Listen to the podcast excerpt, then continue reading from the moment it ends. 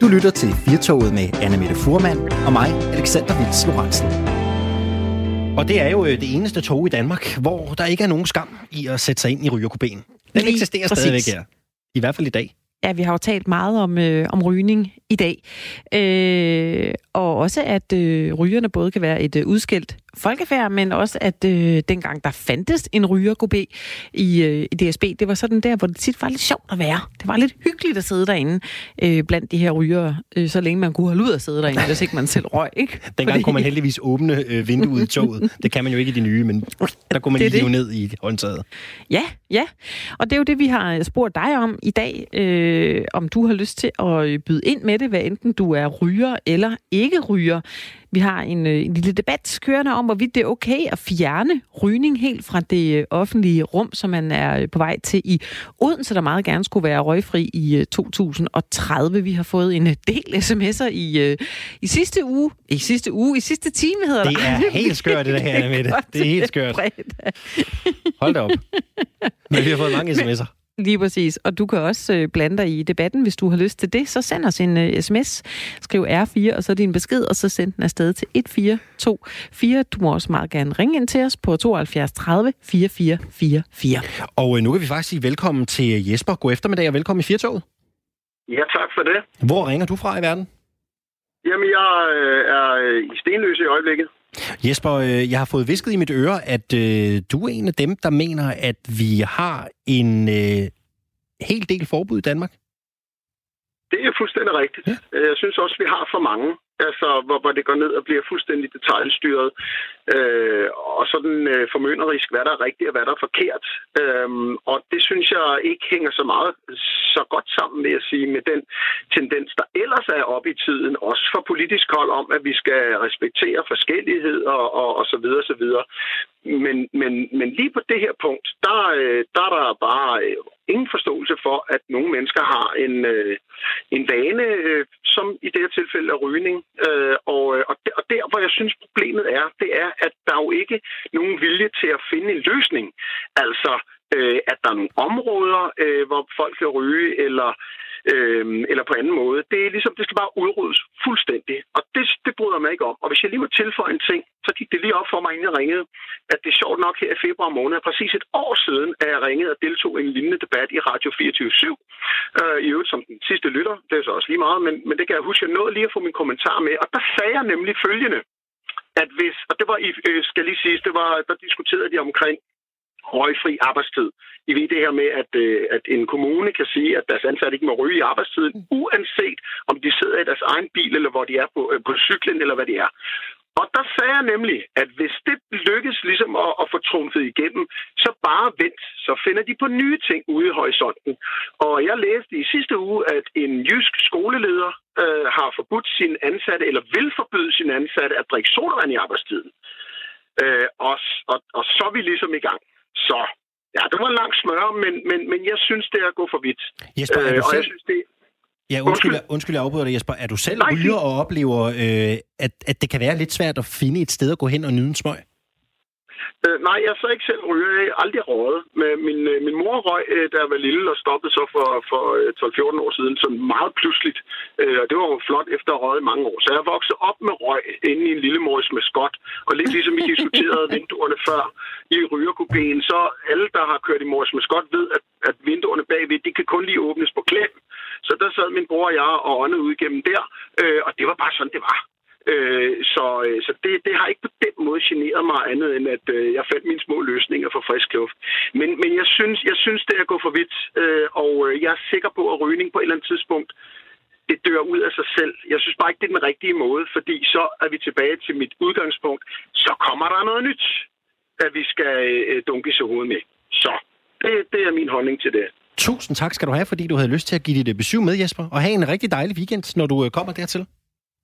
Tak, og i lige måde tak for et godt program. Selv tak, du. Sådan. Vi har altså fået en, øh, en hel del øh, sms'er på, øh, på det her med rygning. Øh, Alexander, der er kommet en fra en lytter, jeg ikke lige kan se, hvad hedder. Vedkommende skriver, man har i så mange år snakket om rygernes rettigheder. Rygning og passiv rygning er jo solidt dokumenteret sundhedsskadeligt. Hvad med ikke rygers, specielt børns ret til at leve uden cancerluft? Hvorfor er det dem, der må flytte sig øh, for folk med laster, der påvirker andres helbred? det var nok en e-ryger. Ja, og ja. det er jo en god pointe. Og jeg det kommer nogle gange til at tænke på, hvad gør man med altså os for motorkøretøjer eksempelvis? Fordi det er jo også noget, vi kan blive rigtig syge af. Altså, hvor er det, er det også noget, vi skal til at se på? Skal vi have bilerne ud af byen i endnu højere grad, end måske bare at tale om betalingsringe, som har været op og vende politisk i Danmark? Mm. Øh, I visse store byer, der skal man jo betale for at køre ind i bymidten nu, ikke? Det skal man i London, hvis jeg ikke tager ja. meget fejl. Ja. Altså, er der er også noget der, vi skal til at, at rykke ved? Ja, det vil jeg da i allerhøjeste grad. Det, det er en anden debat en anden dag, men den øh, tror jeg da også er, er øh, fuldstændig reel. Nu snakker vi jo altså om rygning i dag, Alexander. Jeg ved ikke, er du sådan en, der har siddet og tænkt på, at du lige fik lidt mere lyst til at ryge, at vi, øh, at vi snakker så meget om det faktisk? Nej, jeg har aldrig haft en øh, pakke Ej. cigaretter i hånden, så jeg Ej. ved faktisk ikke, hvad det er, jeg går glip af. Nej, nej. Jamen, det er godt. Altså, lad være med at blive fristet jo, fordi øh, hold da, hold da op med det. Øh, hvis du har lyst til at øh, blande dig i øh, debatten, så... Øh, Skriv ind til os. Der er øh, mulighed på øh, sms'en. Du skriver R4 og så din besked, og så sender du den afsted til 1424. Hvis du har lyst til det, så øh, kan du bruge telefonen. Du ringer ind til os på 72 30 44 44 72 30 44 44. Hvis man færdes på digitale medier, som for eksempel Instagram og Facebook, øh, så kan man ikke undgå at blive bombarderet med ord og billeder fra influencer, der både fortæller om rekla- og øh, fortæller om og reklamerer for, hvilket tøj de har på, og hvor de spiser frokost, og hvordan de har indrettet deres hjem. Men det er, en, det er et indviklet marked, hvor både virksomheder og influencer nemt kommer til at brænde nallerne en lille smule, hvis ikke de får øh, korrekt deklareret hvad der er reklame og hvad der er personlig holdning. Vi har fået en gæst i studiet. Velkommen til dig, Gry Høngsmart Høngsmark Knudsen. Jeg har sådan lidt med min udtale i dag. Velkommen til øh, programmet her. Tak. Du er fra øh, Professionshøjskolen i Odense. Jeg skal lige øh, høre dig om ting. Hvor vanskeligt er det for blogger og Instagrammer at navigere i, hvordan man sådan på lovlig vis reklamerer på, på Facebook og Instagram? Siden der er så meget bøvl med det. Det er vanskeligt, og det kommer sig jo af, at rigtig mange af dem starter som privatpersoner og, og har en idé om, at de, de gerne vil dele hvad deres forbrug fra hverdagen. Det er sådan blevet en måde at kommunikere på på øh, sociale medier. Og derfor så er de jo ikke uddannet. De ved, de kender ikke markedsføringsloven, og, og virksomhederne får ikke altid vejledt dem, når de laver de der samarbejder. Så det er, øh, det er svært for influencerne at navigere. Ja, ja, på det her, klart. Altså, hvordan bruger virksomhederne øh, de her influencer til at lave reklamer? Virksomhederne vil gerne samarbejde med influencer, fordi når influencerne har følgere, så øh, er det en måde at komme øh, i kontakt med forbrugerne på. Øh, og, og man har haft sådan en øh, forståelse af, at det er en mere direkte vej end at sende tv-reklamer ud, for eksempel. Mm. Altså, øh, influencer, det er selvfølgelig ikke et uh, nyt fænomen her i øh, uh, 2020, men det har alligevel heller ikke så mange år på banen. Altså, der er jo også mange firmaer, der er også nogle nye influencer-firmaer, som, uh, som måske heller ikke lige ved, hvordan er det, vi uh, går til det her. Altså, oplever du, at, at uh, hvad skal man sige, problematikken eller udfordringen her bliver, bliver større? Altså, er der simpelthen brug for meget mere information, også med dem, der sidder og at håndtere de øh, sider, hvor bloggerne øh, for eksempel har deres blog, altså hvor de kan have, have reklamer og reklamere for ting? Ja, altså det er jo helt klart noget, som er under udvikling, og hvor der er behov for en professionalisering. Og jeg tror, øh, mange øh, af de byråer, der, der hjælper influencer, de har måske ikke været så opmærksom på, at det var noget, de skulle vejlede meget mere om.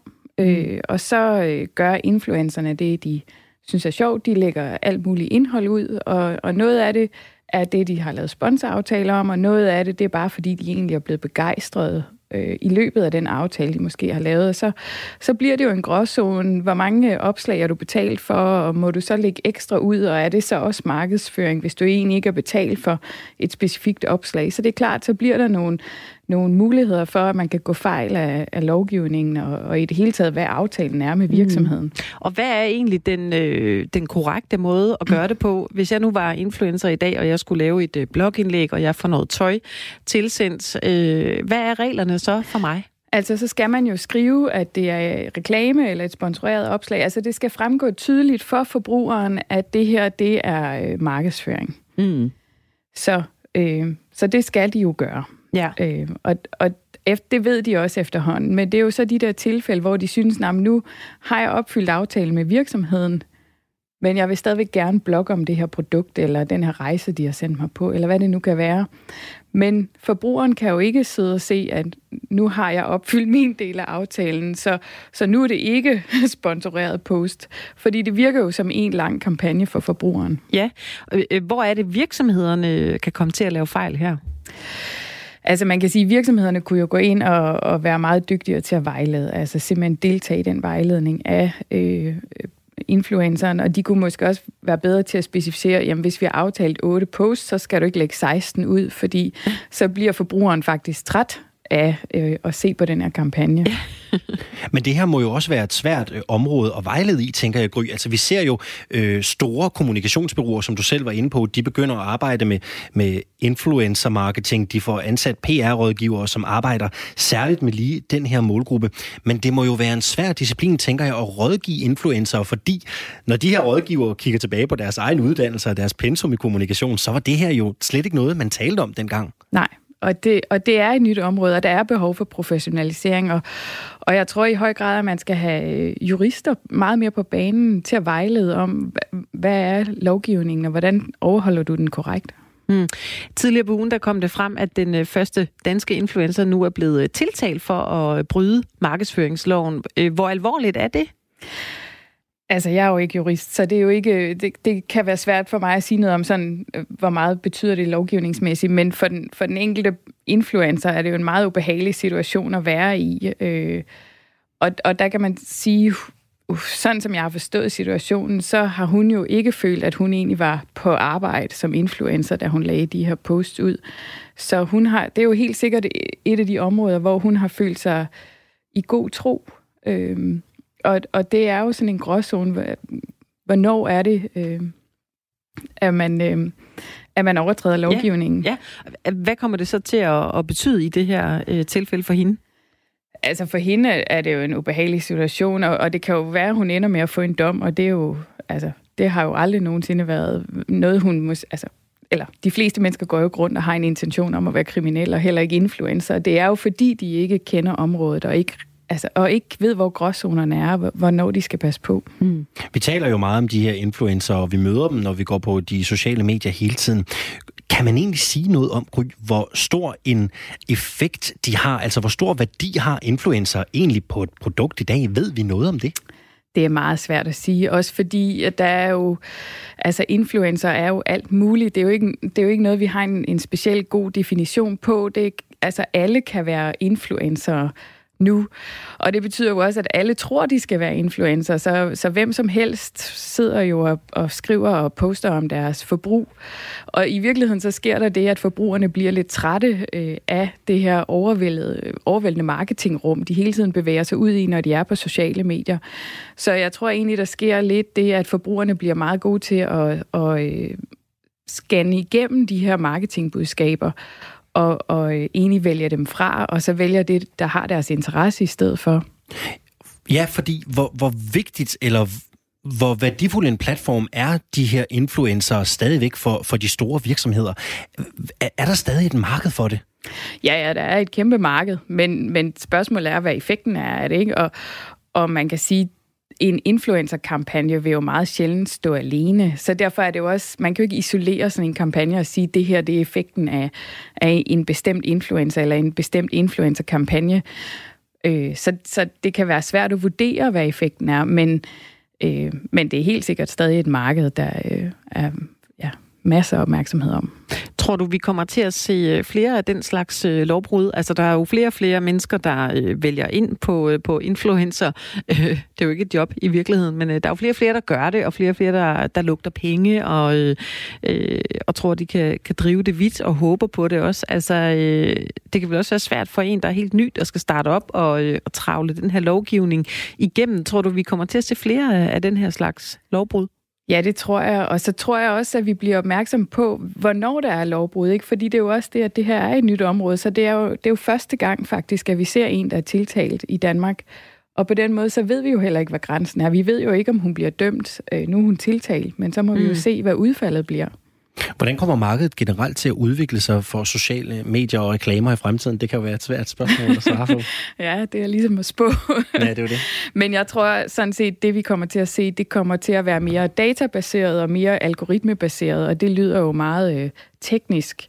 Men det handler jo om, at øh, det er nemmere at spore folks adfærd på, øh, på hjemmesider, fordi vi har, øh, der bliver efterladt cookies i din, i din computer, og så får du retargeting-reklamer øh, i forhold til, hvad du har kigget på, og, og de produkter, du har været interesseret i. Så jeg tror, det, det er langt mere går den vej øh, nu. Når vi dvæler ved den udvikling, vi har set i dag med influencer, kan, kan vi slå ned i noget, der har virket, altså noget, der har været særlig stærkt?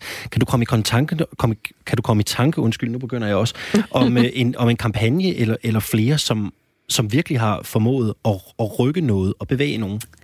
Ja, nu kan jeg faktisk ikke huske, hvad influenceren hedder, men der har været en kampagne med organdonation, hvor man skulle gå ind og registrere sig som organdonor eller sige nej. I hvert, altså gå ind og, og øh, tikke en boks hos øh, organdonation. Øh, og den fik en kæmpe stor effekt ud af det. Men man kan sige, i det, altså, i det øjeblik, man registrerer sig, så er det jo også en, øh, en gratis handling. Det er jo først øh, langt senere, at der kan komme en effekt af det her. Det er jo ikke noget, hvor du faktisk skal betale noget lige i det øjeblik, du klikker på et link. Hvad oplever du, hvis du, hvis du oplever det overhovedet? at der, øh, altså virksomhederne, har, har de svært ved at finde ud af, hvordan øh, skal de så håndtere om den anden vej med, øh, med influencer? Hvad kan de bede folk om, og hvor meget må de bede om, og, øh, og hvordan øh, håndterer de det så, hvis der er en, som du sagde før, der poster noget 24 gange? Altså, og, oplever du øh, Altså, jeg tror, at det virksomhederne har svært ved, det er faktisk mere at vælge den rigtige influencer. Øh, der har været sådan en tendens til at kigge på antallet af følgere, og det er selvfølgelig også vigtigt, men er det de rigtige følgere? Er det simpelthen dit segment? Øh, og hvad er det, den her influencer er kendt for? Fordi vi havde øh, nogle sager, jeg tror, det var sidste år, hvor nogle virksomheder havde valgt nogle YouTubere, som sådan set lavede mobbevideoer af børn, og det er jo ikke en særlig god sag at være forbundet med som virksomhed. Så, så jeg tror nogle gange, virksomhederne skal være bedre til at se på, hvad er det for et indhold, de bliver forbundet med, og er det det indhold, vi vil være forbundet med? Mm. Så, så en lidt mere kritisk analyse af, hvad er det for en influencer, og er det overhovedet den rigtige influencer for vores produkt og vores brand? Det tror jeg, virksomhederne kunne arbejde en del mere med. Og hvordan tror du lige her øh, til sidst, Gry, at øh, virksomheder kommer til at reklamere i fremtiden? Jamen, jeg tror, det går lidt i en anden retning. Ikke? Jeg tror, det bliver mere databaseret og mere øh, baseret på algoritmer og adfærd. Gry Høgsmark Knudsen, du er forskningschef for erhverv ved University College Lillebælt. Tusind tak skal du have, fordi du havde lyst til at komme og gøre os øh, klogere, og øh, have en rigtig dejlig weekend, når du kommer dertil. I lige måde. Vi taler jo øh, om øh, det at ryge i dag, øh, Anne Mette, fordi vores sms-indbakke, den er nærmest, øh, den er nærmest rødglødende. Lige så glødende som en, øh, som en cigaret, kan man sige. ja. Og grund til, at vi tager det her op, det er jo øh, fordi, at man øh, i Odense frem mod 2030 arbejder mod et røgfrit Odense. Der skal simpelthen ikke være rygning i det offentlige rum. Det betyder, at det er slut med at ryge, blandt andet i øh, byens parker og selvfølgelig også på arbejdspladserne. Så mm. er der så lige øh, byens fodboldstadion, der hvor driverne de spiller, yes, de yes. yes. der øh, var der egentlig lagt op til, at der også skulle etableres et øh, rygeforbud.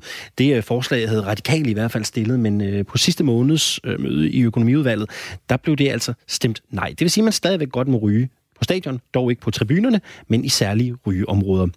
Og det fik os til at tænke på her på Firtoget, om rygerne egentlig er et, øh, et jade folkefærd. Det har vi spurgt øh, lytterne om i dag, og vi har fået et øh, par rigtig, rigtig øh, fine øh, sms'er.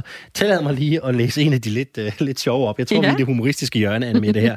Jeg stod i et buskur, skriver en anonym lytter, og øh, ventede på, at bussen kom ind.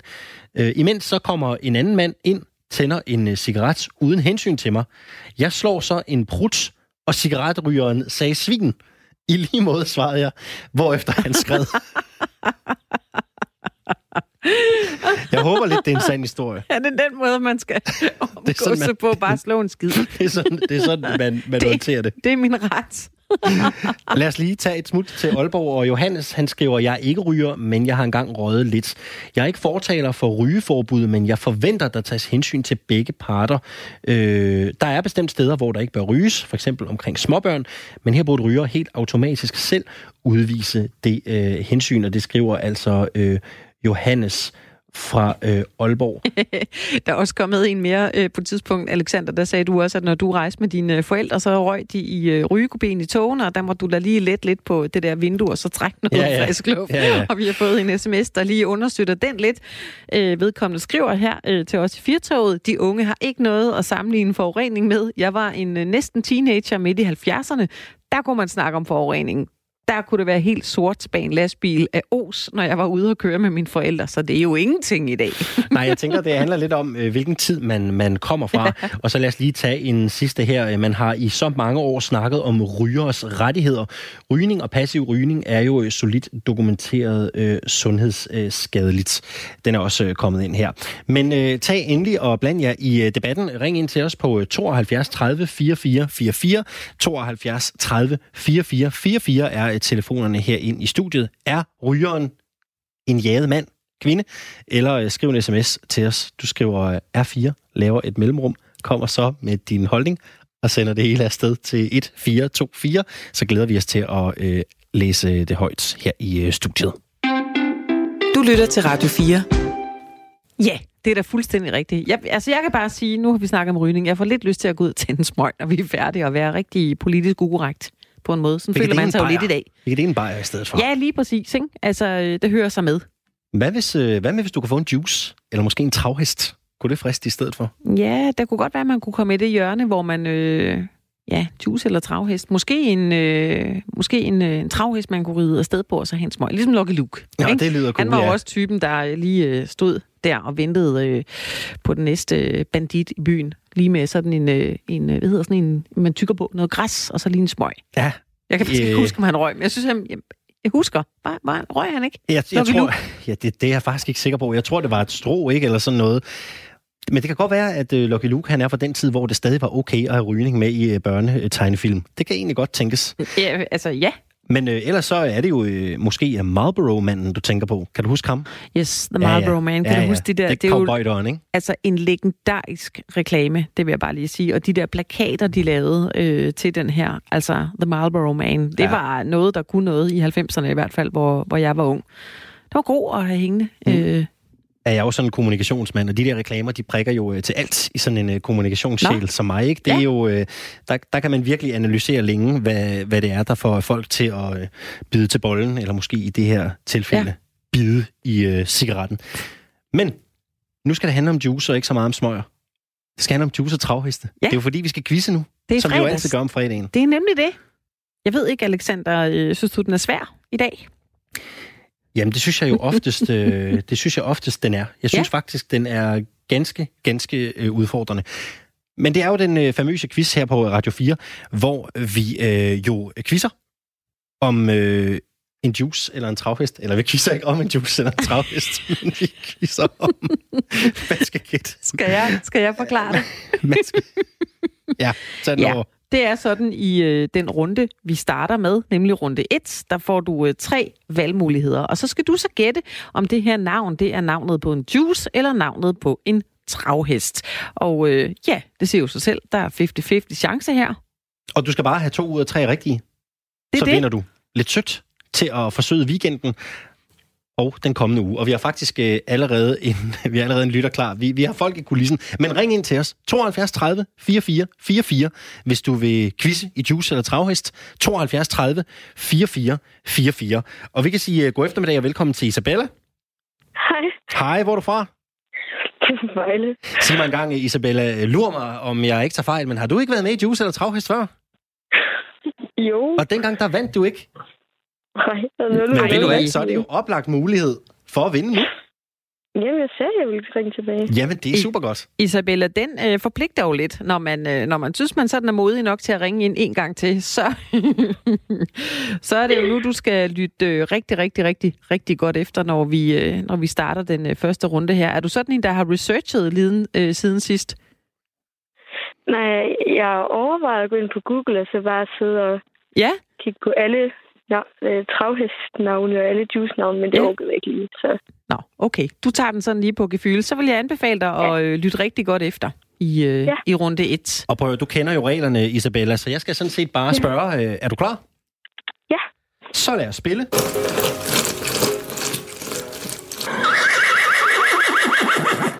eller travhest? Ganske rigtigt. Og nu læser jeg øh, de øh, tre navne op, øh, og imens så øh, holder Anne Mette styr på, øh, hvor mange rigtige der kommer, og så ser vi, øh, hvor det ender. Godt. Isabella, start med at fortælle mig The Hulk, Juice eller Travhest? Travhest. Så lad os tage øh, Date Night, Juice eller Travhest? Juice. Og så lad os tage øh, Voodoo til sidst. Travhest. Nå, Isabella. Ej. Au, au, au, au, au, au. Den var, øh, den var desværre ikke øh, hjemme heller i dag igen. Jeg synes, Isabella, du skal gøre det, du selv foreslog. Gå ind og google alt, hvad du kan med, øh, med travhest og juice. Desværre. Ej, hvor mange fik jeg rigtigt? Du fik en Du rigtig. fik det en var Voodoo, rigtigt. der Ja. var en travhest. Ja. Så vi kan lige gå dem igennem igen. Så kan du lige øh, notere dig det. Vi havde den første, der hed The Hulk. Det var en juice. Nummer to hed Date Night. Det var travhest. Og nummer to er Voodoo travhest. Og det var den, du fik rigtigt. Prøv at høre, uh, tusind tak skal du have, fordi du havde lyst til at spille med, og du ringer bare ind igen i næste uge. Vi er, er altid friske Okay. på en uh, snak med dig. Kan du have en rigtig dejlig Ja. weekend, når du kommer dertil? Ja, lige meget. Tak skal du have. Og så kan vi uh, byde velkommen til uh, næste levende billede. Det er Kenneth. God eftermiddag. God eftermiddag.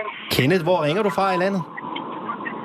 Jeg ringer øh, på vej hjem fra arbejde. Jeg er på vej til Helsingør, hvor jeg bor. Nå, er du sådan en, Kenneth, der har researchet lidt på, øh, på quizzen juice eller travhest? Jeg har lyttet lidt med her, når jeg kører hjem om fredagen. Så jeg, jeg, jeg er rimelig meget med. Okay. Øh, så er det, vi skal spørge dig om en øh, ting, Kenneth. Er du klar til, at vi går i gang? Yes. Så lad os spille.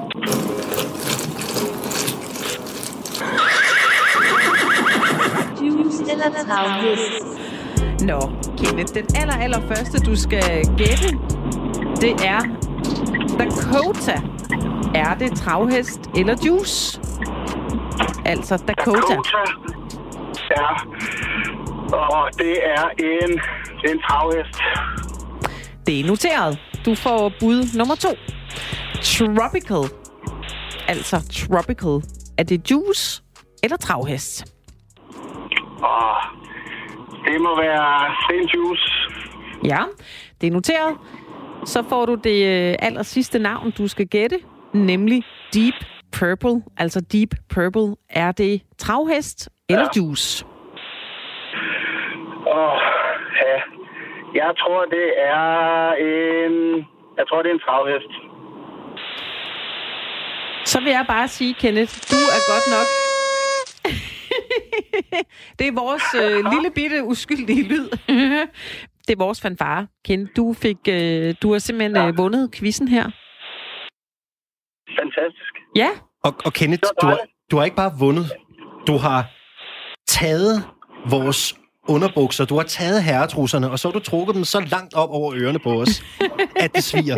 Du har simpelthen lavet, du har lavet hat Der var tre rigtige i Ja. den her runde. Jamen, det var da fantastisk. alle tre. Det, Det må jeg nok sige. Jeg, jeg har læst meget på min juice og min travhest, det må jeg sige. Ja. Så det var jo godt, at, øh, at det bliver belønnet. Ja, fra nu af, Kenneth, hvis der er nogen, der nogensinde udsætter dig for en uh, juice og travhest, uh, så nejler du den lige, ikke? Ligesom du gjorde her i Firtoget. Så kommer de bare an, du. Ja, Er du, egentlig, fantastisk. er, du mest, øh, er du mest sådan en, der går på juicebar, eller vil du foretrække en tur på travbanen egentlig? Hvis jeg skulle vælge, så tror jeg nok, jeg er mere til travbanen. øh, jeg synes, der er for meget unga-unga-musik på, på juicebar, så det, øh, det må blive travbanen. Totalt enig. Det kan vi ikke være uenige om. Prøv at høre, der er lidt øh, slik på vej, øh, der er lidt slik på vej til dig, Kenneth. Hvem skal, hvem skal det deles med? Jamen, det bliver sammen med, det bliver sammen med ungerne, som jeg skal være alene med i aften. Kenneth, så skulle du faktisk lige... på unga-unga-bar. Hun er på unga, unga bare. Øh, Så skulle du faktisk næsten lige udsætte dem for den her quiz, som du jo var mesterlig god til. Jamen, de, de får lov til at... De, de får et spørgsmål for hver vingummi, de, de skal have. Det skal faktisk være rigtigt for at kunne øh, tage noget slik fra posen. Lige præcis. Vidunderligt, øh, Kenneth. Tusind tak skal du have, fordi du havde lyst til at spille med og have nu en øh, rigtig, rigtig dejlig eftermiddag og god weekend og øh, nyd nu slikket, ikke? Tusind tak. Smukt. Og vi har faktisk øh, en runde mere klar her på øh, Juice eller Travhest. Vi har lidt mere, vi kan, vi kan dele ud af. Så ring ind til os på øh, 72 30 44 44. 72 30 44 44 er telefonnummeret herinde i studiet, hvis du har lyst til at dyste med i Juice eller øh, Travhest, som jo er en øh, quiz, der er det, den giver sig ud for at være, kan man sige. Den, øh, den, øh, den lægger op til, at du skal gætte, om der er tale om en juice eller en travhest. Ja. Du får øh, tre navne læst op, og kan du have to rigtige ud af de tre, jamen så, øh, så er der fuldt hus. Og nu kom jeg til at snakke om, øh, om Lucky Luke lige før, øh, Alexander. Jeg kunne ikke rigtig huske, om han, øh, om han faktisk bare stod og tykkede på sådan et, øh, et græsstrå, eller han øh, i virkeligheden øh, røg. Men i hvert fald så øh, kom jeg jo lige til at tænke på, øh, nu vi siger juice eller travhest. Altså, Lucky Luke, han havde jo en, øh, en kendt hest, som hed Jolly Jumper. Kan du huske den? Ja, det, den Ja. var hvid, ikke? Jo, den Med var hvid pletter? med, med pletter. Ja, nemlig. Øh, og faktisk er der kommet en uh, sms fra en af vores uh, firetogslyttere, der uh, skriver, Lucky Luke, han uh, røg i mange af tegneseriealbumene, men på et tidspunkt blev smøgen skiftet ud med et græsstrå. I øvrigt bor jeg i Odense, og er imod de fleste forbud, inklusive rygeforbud. Så, Okay, på Ja. den måde. Jamen prøv at høre, ved du hvad, så, jeg, jeg synes nok, der var et eller andet, øh, der var et eller andet med, øh, den, med det der græsstrå. Det kan være, at, øh, at vi har krydset vores øh, Lucky Luke på forskellige stadier i, øh, i livet. ja, det er jo nemlig det. Øhm, hvis du har lyst til at byde ind, så har du da simpelthen også lige øh, mulighed for det 25 minutter endnu. Altså, du må gerne lige melde dig i øh, debatten her, om, øh, om du synes, at ryger øh, nu i dag er sådan et, et jagtet vildt, du øh, kan stadig nå at, øh, at blande dig. Det kan du gøre på øh, sms. Du skriver R4, og så din besked, og så øh, sender du den ind til 1424. Du er da også mere end velkommen til at bruge vores øh, telefon. Den er også åben. Det er 72 30 44 44. Og øh, Alexander, vi er jo faktisk midt i en quiz lige nu. Noget, øh, ikke noget, der er øh, noget med, der har noget med røg at gøre. Man skal ikke gætte noget med det, men det er jo altså juice eller travhest quizzen, vi øh, har gang i. Og skulle vi lige kippe med fladet for Kenneth, der ringede ind til os lige før og simpelthen lavede en decideret hat som du øh, så fint sagde. Han fik alle tre rigtige i den her quiz, og inden da, der havde han sagt, at han havde lige været inde og læst lidt op på, på det her med travhestenavne, så det var måske Det var en idé. øh, givet ud. Spørgsmålet er, om øh, Hjalte også har det. God eftermiddag, Hjalte. Goddag. Hvor ringer du fra i landet? Goddag. Jeg ringer fra Horsens af. Du ringer fra Horsens af. Det er perfekt. Ja. Hjalte, øh, er du sådan en, øh, der kender til vores juice eller travhest-quiz? Ved du, hvad vi er ude i? Jeg var med øh, sidste gang her i to uger siden, tror jeg det var. Der vandt jeg. Så nu er jeg simpelthen gøre lige så godt igen. Ja, men ved du hvad, det, øh, det, er helt, øh, det er helt på sin plads. Nu skal du høre her, øh, du får lige reglerne igen for en sikkerheds skyld. Ikke? Der, er, øh, tre, øh, der er tre navne, og hvis du kan gætte to rigtige ud af de tre, jamen øh, så er der altså øh, godter på vej til Horsens. Er du klar? Ja, Så lad os spille.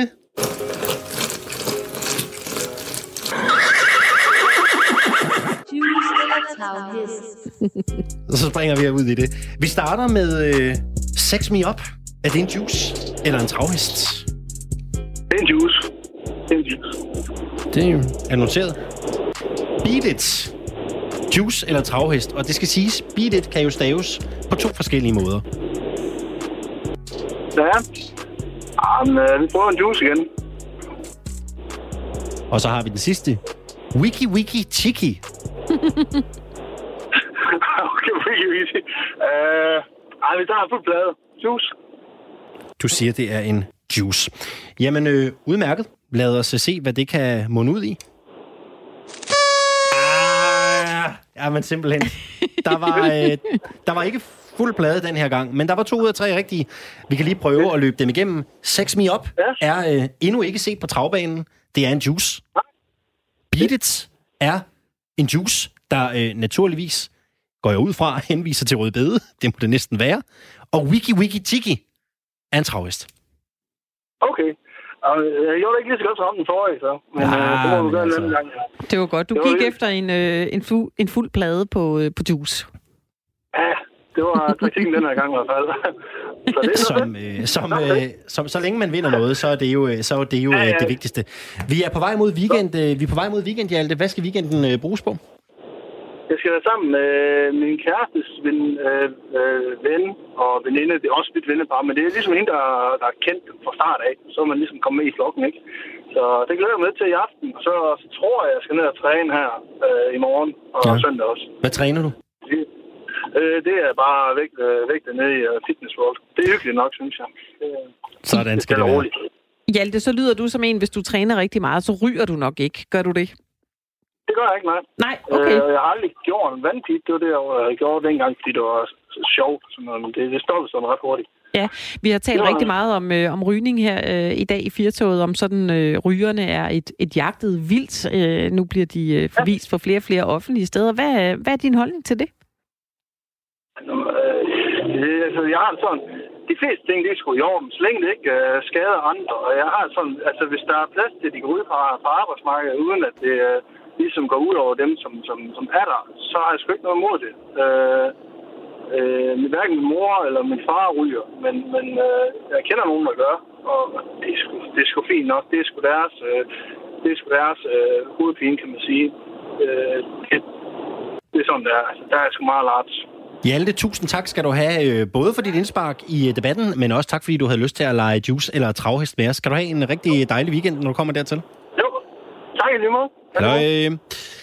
Og det vælter jo også ind med sms'er. Nu fik du også lige prøvet Hjalte af i øh, dagens øh, debat, og lad os da lige øh, briefe op, hvorfor det egentlig er, vi taler om, om det her, øh, Annemette. Det gør vi jo, fordi vi har øh, været en tur i Odense. Det var, der, øh, det var det første stop, Firtoget holdte ind ved i dag.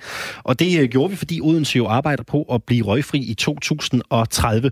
Øh, det vil sige, at det ikke længere skal være muligt at ryge, hverken på de kommunale arbejdspladser eller i de mange kommunale parker, der er. Mm. Men i øh, sidste måned, der øh, mødtes man i økonomiudvalget, og der var der egentlig lagt op til, at det også skulle være forbudt at ryge på øh, stadion i øh, Odense, der hvor striverne de spiller deres, øh, deres hjemmekampe.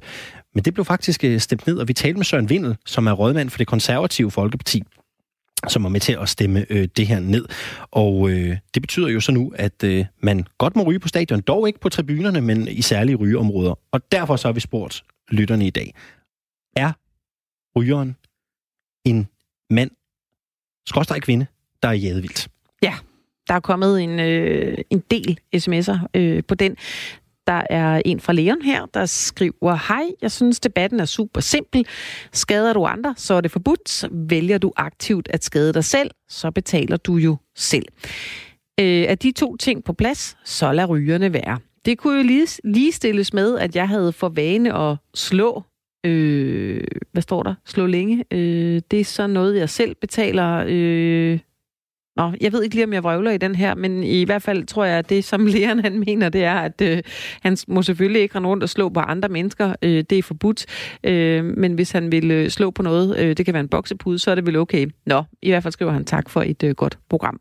Tak for det. Eller selv tak hedder det, Leon. Og så har Michael Bartelsen her også forsøgt sig i det lidt vilde hjørne. Han skriver, at jeg er selvfølgelig 100% imod passiv rygning, og jeg synes, de passive ryger skulle købe deres smøger selv. Og sådan kan man jo også vælge at stille det op. Der er jo en fin pointe gemt i det der, ikke? Altså, hvis man gerne vil ryge, så kan man jo købe sine egne cigaretter. Ja. Den, er, øh, den er noteret, den er noteret her fra øh, Michael Bartelsen. Bland dig endelig i øh, debatten. Ring ind til os på 72 30 44 44, hvis du har et indspark, eller også så send os en sms. Du skriver R4, laver et mellemrum og kommer så med din besked og sender det afsted til 1424. Telefonen og sms'en er stadigvæk åbne et kvarters tid endnu. Nå, det har været en, øh, ikke en lang uge. Den har ikke været længere end øh, de fleste. Den har været præcis de timer, som øh, et døgn er, nemlig 24 timer i døgnet. Ja. Øh, vi kan glæde os over, at det er blevet lysere, og øh, endnu en uge, Alexander, har vi talt om utrolig mange ting. Det er jo nogle gange sådan, når vi når til fredag, så kan vi næsten ikke huske, hvad var det, vi talte om i mandags, hvad var det nu, vi talte om i tirsdag, så må, så må vi lige øh, sådan spole tilbage i, øh, i hjernen. Ja, det her det er jo ikke en omnibus, men et omnitog. ja, siger onkel herovre det er så på godt. sidelinjen. Det er også snart weekend, så må man godt Ja. øh, være klar med de der unge Ja, ja, ja, ja. Alexander. Har du flere gemt i... Øh, i øh, Ja, det vil jeg lade være en overraskelse. Ikke? Jeg har lige 16 minutter at fyre dem af på. Ikke? ja. Jeg har Men, lange øh, ærmer på i dag. De kan nå at drysse ud endnu. Hvis du ikke øh, fik lyttet med sådan øh, hele tiden her i øh, Firtoget i løbet af ugen, så kan vi da give dig lidt øh, højdepunkter øh, for nu. Øh, Alexander, vi har jo blandt andet talt om, at øh, i mandags, der øh, holdte den her gastronomiske højborg, altså Michelin, øh, en fest og uddelte Michelin-stjerner øh, til toppen øh, af det nordiske køkken. Vi snakkede med øh, en madanmelder, Rasmus Palsgaard, om den her uddeling, men jeg vil godt lige have lov til at sige, at jeg læste lige et øh, interview faktisk med en anden Rasmus, hvis jeg lige må banke den ind inden, fordi det var nemlig ham, som øh, hedder Rasmus Munk. Han er, øh, det er ham, der ejer The Alchemist, og øh, dengang han sad i øh, Trondheim og skulle have uddelt de her øh, stjerner, øh, han vidste godt, at han var nomineret, men øh, han vidste ikke rigtig lige, hvordan det gik. Så det sidste flag, han ser op på skærmen dengang, at de uddeler en Michelin-stjerne, det er det norske flag. Og der vidste han så, sagde han selv, der var løbet kørt. Han synes, det var enormt ærgerligt. Han blev en lille bitte smule ked af det, men han tænkte, nå, så vinder vi ikke. Øh, det, der så sker, det er, at så skal der uddeles to stjerner. Og hvad sker der så? Så kommer det danske flag, og så bliver hans navn nævnt. Og der var han faktisk ved at besvime, siger han, af, mm. af glæde og fuldstændig overraskelse øh, over, at han vandt øh, to Michelin-stjerner. Det kunne han faktisk ikke fat endnu. Ej, det er altså også stort. Det er det da. Og det var jo en dramatisk øh, aften for rigtig mange, fordi øh, der var jo selvfølgelig vinderne, og så var der øh, taberne. Øh, Eller Order, øh, den italienske restaurant ja. på Christianshavn i København, de mistede jo øh, de mistede jo deres heder for Michelin efter 23 år. Ja. Prøv at forestille dig i 23 år at have haft den her heder, Ja. og så fra den ene dag til den anden, så er det øh, sådan væk. Ja, det er det. Men i hvert fald så øh, Rasmus Munk, han sagde, at det kommer til at tage mig rigtig lang tid, Rasmus Munk fra øh, The Alchemist. Han sagde, at det kommer til at tage meget lang tid, før jeg vender mig til, at jeg har de her to. Men øh, nu sigter jeg mod den tredje. det tror jeg, han sagde et par dage efter, så det er da, det er da temmelig modigt. Vi havde Rasmus øh, Palsgaard igennem, og øh, han øh, talte jo lidt om, hvad det egentlig vil sige at vinde en Michelin-stjerne. Helt konkret, så øh, spurgte vi ham om, hvad det betyder at vinde en Michelin-stjerne. Jeg kan sige helt konkret, hvad det i hvert fald betyder for to øh, stjerner. Jeg øh, talte med Erik Vilgaard, den anden store vinder i går, sammen med, sammen med sin øh, hustru Tina. Øh, de fik jo stjerne nummer to i går, og øh, på øh, kort tid var øh, hvad deres øh, bookingsystem fyldt op i så langt frem deres øh, system tillader, øh, simpelthen på grund af den anden stjerne. Så, øh, så rent økonomisk har det jo helt klart en effekt. De ved nu øh, helt præcis, hvad de har at gøre med øh, en del måneder frem, så det er jo fantastisk. Øhm, på et mere personlig plan, så betyder det jo selvfølgelig, at øh, altså, det er jo en kæmpe ting. Det er jo sådan en form for Øh, jamen altså, det er det, det, det ypperste, du kan, du kan opnå inden for gastronomi. Nu er de her øh, Michelin-stjerner jo omgivet af noget øh, mystik og sådan lidt øh, hemmelighedsholdelse. Hvad var sådan de største overraskelser i går? Mm, jeg ved, jeg tror, den største overraskelse for mig var nok, at øh, Michelin faktisk levede op til det, jeg håbede på.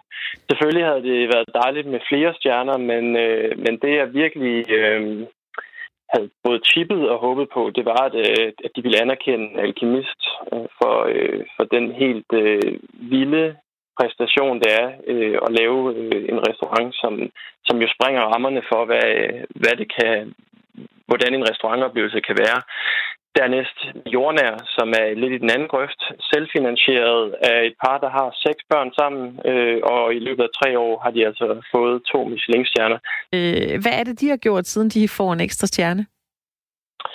Det, man kan sige med jordnær, er, at øh, de, de åbnede i april 2017, og der, jeg var derude lige fra lige faktisk i dagene op til, de åbnede, og øh, fik et rigtig, rigtig godt måltid. Men øh, det, jeg så oplevede øh, halvandet år senere, altså i december 2018, det var en øh, helt anden restaurant. De har simpelthen øh, formået at, øh, at løfte sig selv til helt nye højder, og, øh, og det er igen det her fokus på øh, råvarer. De er fuldstændig kompromilløse, øh, uanset om vi taler øh, friske øh, urter i sæson, eller søpindsvin fra Færøerne, eller hvide trøfler fra, fra Piemonte. De vælger det bedste, og øh, de har et ekstremt dygtigt øh, kokketeam, som er i stand til at formidle de her råvarer på en, øh, en både original og, og først og fremmest ekstremt velsmagende måde. Så øh, altså, jeg tror på, at jordnær ikke blot kan, kan beholde de her to stjerner. Jeg tror også meget vel, det kunne blive den næste restaurant, der får tre i Danmark. Ja, det var noget med øh, noget Michelin. Og noget, vi også snakkede om, som ikke var... Øh, helt så stjerneagtigt. Det var noget med, at man gik og følte sig lidt ulykkelig, fordi en øh, ny undersøgelse, vi, øh, undersøgelse viste, at man er mest ulykkelig som 47,2-årig, og øh, derfor så snakkede vi med en øh, trendforsker, der hedder Louise By Kongsholm. Og jeg er jo 46, Alexander, ja, ja, ja. og jeg synes ikke, det var særlig sjovt at få at vide, at man var mest ulykkelig som 47,2-årig, faktisk. Nej, altså nu hørte vi jo, og vi, vi tager et lille klip med Louise om lidt, men, ja. men kan du, altså efter, efter at have talt med hende her i den her uge, kan du sådan mærke, at du er blevet lidt mere eller lidt mindre anspændt i forhold til at nærme dig det kommende år? Jeg vil nok sige, at jeg har følt mig lidt øh, træt den her uge. Altså, måske er det, fordi jeg tager soverne på vores skud. Øh, men ved du hvad, jeg er faktisk blevet meget opmærksom på det, fordi jeg tænker simpelthen, at øh, hvis der er nogen, der skal hive statistikken den anden vej, så er det mig. Så der må noget øh, rød læbestift og neglelak og høje hæle, øh, indtil jeg bliver 47,2. Altså, så skal jeg bare give den gas, fordi når jeg bliver 47,2, så holder jeg en kæmpe fest. Det kan kurere, det kan kurere mange ting. Lidt, øh, lidt læbestift og lidt ja, neglelak. Ja. Vi spurgte øh, Louise Bygholmsholm om, hvorfor det egentlig er, man er mest ulykkelig i slutningen af 40'erne. Jamen, det er jo en kombination af, at, at langt de fleste i slutningen af 30'erne og starten af 40'erne er i de livsfaser, der er præget af ekstrem øh, høj travlhed, øh, tidspres, en kalender, der er ved at eksplodere, øh, karriere og privatliv, øh, der har svært ved at hænge sammen. Det er også de år, hvor der er rigtig mange skilsmisser, for at det ikke skal være løgn. Altså, så der er en masse øh, ting, der påvirker der i 40'erne, og det er jo generelt øh, set hen over, hen over 40'erne. Ikke? Øh, så er der nogle andre faktorer, der spiller ind Øh, går det godt på arbejdet? Klarer man sig godt økonomisk? Hvordan går det med ens bolig? Øh, Udover familie- og kærlighedsforhold, så er der jo noget med øh, selvopfattelse, selvbillede. Er man måske blevet lidt for rundt omkring livet op i 40'erne og har et knap så godt en, en fornemmelse af sig selv og sit kropsbillede? Altså, der er rigtig mange ting, der påvirker. Når du lægger alle de her ting sammen, så er det så desværre sådan, at det bonger ud, at man i 40'erne har den laveste livskvalitet. Jeg bliver lidt, lidt nysgerrig, fordi nu nævnte du selv, at, man, er lykkekurven ligesom toppet, når man var en, en 16-17 år, så igen først, når man bliver 70. Ja, det er, liv, ja, det er livskvalitet, det er ikke lykke, men jo, Nej, det er livskvalitet. Den topper, når man er 16 ja, og 70. Men hvorfor er der øh, de her perioder af livet, som, som er lykkeligere end andre? Ja, Jamen, hvis man reflekterer lidt over det, så man sige, når man er 16, så er man ung og glad og fejlig og velfungerende og øh, er ved at få styr på sit liv og har ikke en masse forpligtelser, en masse tidspres. Man har kun sig selv at tænke på. Og det samme i den sidste del af livet, når man er 70. Man har ikke et, øh, et job, man har ikke et øh, tidspres, man har ikke en masse mennesker, man er ansvarlig overfor. Man kan nøjes med at passe på sig selv og sige nære, tage tingene med ro, fokusere på det gode, de gode dage, der er tilbage i ens liv, når man når op i 70 70'erne, så det har jo noget at gøre med, at man der midt i 40'erne simpelthen er spændt op i alle retninger øh, og har svært ved at få tid og penge til at række. Ja, så har vi også øh, 40-årskrisen. Øh, den kan vi så også tage oveni. Ikke? Altså, den, den rammer jo også midt i 40'erne. Det hænger jo sammen med alt det, vi har snakket om. Altså, øh, at det, var det det, jeg skulle med mit liv? Man taler om mænd, der racer ud og køber en motorcykel eller en cabriolet, og kvinder, der lige pludselig begynder at gå fanatisk op i yoga eller surdejsprodukter, eller hvad det nu er. De der øh, livs, livsfa- livsfaser og livskriser, de ligger, også, de ligger også i 40'erne. Og der er forskellige forklaringer på det med mænd, der finder ud af, at de måske ikke har opnået alt det i livet, de gerne vil, og kvinder, der skal til at omstille sig til en ny identitet, hvor de ikke kun er mor, men er så meget andet. Øh, så der er rigtig mange ting, der gør, at 40'erne samlet set er en meget, meget presset øh, periode. Det sagde altså øh, trendforskeren Louise Byg Kongsholm fra øh, PEI-gruppen. Og øh, det vi har gang i lige nu, det er jo sådan øh, lige et tilbageblik på ugen, der er gået her i Firtoget. Mette Frederiksen, statsminister og leder af Socialdemokratiet, hun meldte den her uge fra til at holde tale på Arbejdernes Internationale Kampdag i Fælledparken 1. maj. Det talte vi med politisk analytiker hos Altinget Erik Holstein om, og vi spurgte ham, hvilket signal det egentlig sender, at Arbejderpartiets formand ikke selv stiller sig på talerstolen 1. maj jeg synes, det sender et underligt signal, øh, og jeg er jo ret overrasket over det. Altså, det er jo den første 1. maj, efter Mette Frederiksen er blevet statsminister, og hun har lavet nogle ting, der egentlig burde være ret populære blandt øh, publikum i Fællekongen. Der er lavet en finanslov øh, med venstrefløjen, øh, med grønne elementer, sociale elementer, som øh, mange i Fællekongen vil synes er, er rigtig fine. Øh, der er her for nylig landet et øh, forlig mod øh, spekulation på specielt det københavnske boligmarked, den der Blackstone-lov, øh, som man er i gang med. Øhm, og man har sådan helt ført sådan en eller anden venstresocialdemokratisk linje på mange områder. Øhm, så øh, specielt den baggrund synes jeg, det øh, er ret sært, at hun ikke stiller op i fældeparken. Men hvilke grunde har hun så til at vælge, som hun gør? For en ting, det er jo, at hun refererer til, øh, til de her uroligheder, men kan der være nogle bagvedliggende grunde, der er skyld i, at hun vælger at sige, det er ikke min platform den dag? Altså, grunden er jo, at hun ikke var risikere tilråb for den yderste venstrefløj. Altså, det, altså, der, det er nok, der var lidt tumult, da hun talte sidste år, men altså, så var det heller ikke værre. Altså, der, der vil altid være nogen, der, der buer af en socialdemokratisk leder, statsminister og kritiserer forskellige ting, men, men det må man ligesom kunne klare. Øhm, men altså, der er ikke nogen tvivl om, at, at øh, det har været vigtigt for, for Mette Frederiksen og regeringen generelt, at uh, man kommunikerer uh, uden nogen former for forstyrrelser. Øhm, og, og der har man så ikke brugt sig om, at der kom nogle øh, billeder af Mette Frederiksen, der står over og bliver afbrudt af en tale. Men øh, jeg synes måske, det er lidt mimoseagtigt. Men hvad, hvad, altså, har hun noget særligt at frygte i fældeparken i år? Er der noget, der kan være farligt for hende i forbindelse med at stille op lige netop i år? Ja, altså man kan sige, at det der kunne være, det er jo som de øh, private overenskomstforhandlinger, der kan være afsluttet på det tidspunkt. Og der kan være nogen, der er utilfredse med resultatet af det. Der kan være nogle af de der venstrefløjsfagforeninger, der vil mobilisere øh, imod hende, for eksempel specielt i byggefagene, hvor man jo øh, er meget kritisk øh, over for at, at øh, lave en aftale, men der kommer nogle meget stærke indrømmelser i, øh, imod social dumping og, øh, og andre ting. Øh, så der vil være nogen, der kan være øh, rigtig utilfredse der. Øh, og der kan også være øh, noget omkring øh, det der udspil med øh, tidligere tilbagetrækning af den berømte Arne. Øh, og det vil jo efter alt at dømme være fremlagt på det tidspunkt, og, og, og der kan jo komme kritik af, at det ikke omfatter tilstrækkeligt mange. Øh, men altså ikke desto mindre, jeg synes ikke, at, at det er noget, der kan tåle sammenligning med det, som øh, hele Thorning øh, Øh, altså ligesom repræsenteret, dengang hun stillede op 1. maj. Altså, der er det rigtigt, øh, som de kollegaer sagde, at der blev hun buet ud, men, men det var måske ikke så overraskende, fordi hun havde ført en politik, der var stik modsat det, hun gik til valg på. Hun havde skabt en, en meget, meget stor utilfredshed blandt øh, store dele af øh, sit eget vælgerkorps. Øh, men den situation står Mette Frederiksen slet ikke i. Hvad vi også har talt om i den her uge, det er det kommende OL i Tokyo. Her er man i gang med at rydde op i byen, også blandt de mennesker, der bor der. Det snakkede vi med Stanis Elsborg om, der er idrætshistoriker og analytiker hos Play the Game. Vi spurgte ham om, hvordan det egentlig fungerer, når Tokyo rydder op i byens indbyggere. Ja, det kan jo lyde meget barskt, at man siger, at der bliver ryddet op, men i virkeligheden bliver der faktisk øh, ryddet decideret op, fordi man ja. forsøger at fjerne noget af det, som dem, der bor i Tokyo, synes er øh, mindre pænt. Altså det kunne være hjemløse for eksempel, eller prostituerede.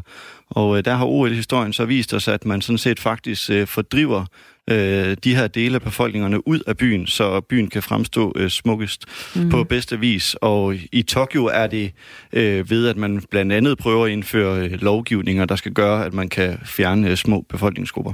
Mm. Så altså, ja, det skulle lige være, det skulle jeg lige at spørge om, hvordan gør man det her rent, rent praktisk? For, for det lyder jo som rigtig meget arbejde at gøre for en, for en relativt kort periode i forbindelse med, med et OL. Altså, hvad, hvad gør man praktisk? Hvordan får man dem væk? Jamen altså i Tokyo er det, har man faktisk været meget, meget åben omkring øh, hjemløse, og de er sådan set en del af, af noget af gadebilledet dernede. Man har Meiji Park, hvor øh, hjemløse har sovet under åben himmel i, i øh, rigtig, rigtig mange år, og det bliver så nu gjort øh, forbudt i undergrunden af hjemløse sådan set øh, også til stede, men det bliver så også gjort forbudt, så man indfører faktisk lovgivninger. De er ikke vedtaget endnu i, i Tokyo, men, men der er snak om det, så, så det er ikke som sådan en fysisk fordrivelse endnu, men øh, det har vi så set andre steder i, i OL-historien. Er det her noget, der sådan øh, generelt finder sted i, øh, i forbindelse med, øh, med OL?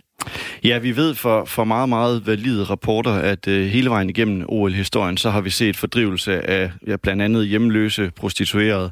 Øh, og det er altså ikke noget, der øh, er ked af at, at skulle afsløre, kun finder sted i autoritære regimer. Vi så det også i, i forbindelse med OL i London, hvor man øh, gerne vil have prostitueret øh, ud af gadebilledet. Så, mm. så det er noget generelt i forbindelse med de olympiske lege, og det er selvfølgelig, som du selv var inde på til at sige, der er en, øh, en bagside af medaljen. Ja. Men en ting er jo så, hvad man kan slippe afsted med i, øh, i Tokyo. Øh, der var øh, London i, i 2012, der var Rio i 2016 og Beijing i 2008.